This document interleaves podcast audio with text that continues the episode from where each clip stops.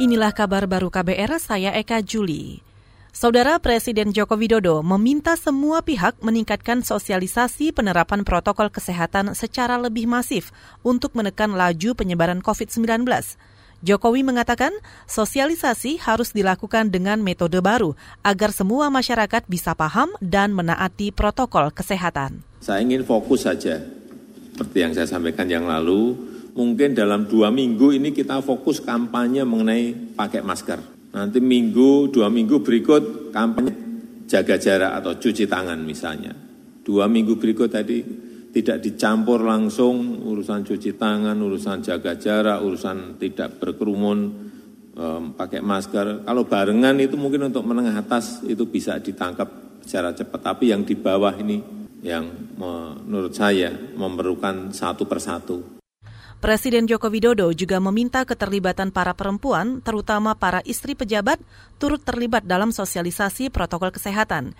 Ia meminta keterlibatan organisasi perempuan PKK. Menurut Jokowi, sosialisasi secara masif bisa dilakukan melalui televisi, media sosial, dan lain-lain selama dua pekan ke depan. Kita ke soal Joko Chandra. Kuasa hukum Joko Chandra menjamin kliennya akan kooperatif selama masa penyidikan oleh pihak kepolisian. Joko Chandra ditangkap polisi di Malaysia setelah 11 tahun jadi buronan kejaksaan.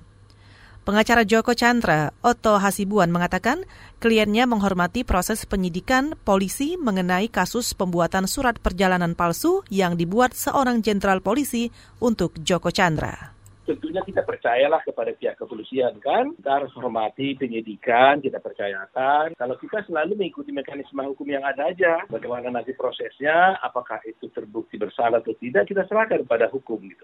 Saya kira dia cukup baik, ya bagus ya komunikasi dia dengan apa, kooperatif sekali dia dengan polisi ya.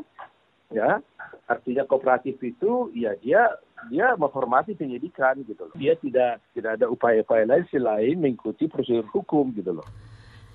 Itu tadi pengacara Joko Chandra Oto Hasibuan. Joko Chandra sebelumnya difonis dua tahun dalam perkara kasus pengalihan hak tagih Bank Bali yang merugikan negara 940 miliar rupiah. Ia buron sejak 2009. Belakangan ia bebas keluar masuk dan mengantongi surat jalan dari seorang jenderal polisi bernama Prasetyo Utomo.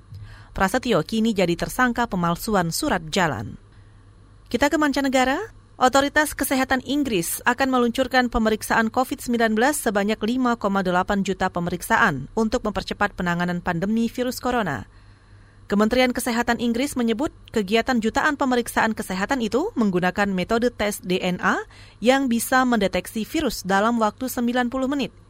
Selain itu, pemeriksaan dengan metode swab atau USAP juga masih dilakukan sebanyak 450 ribu tes.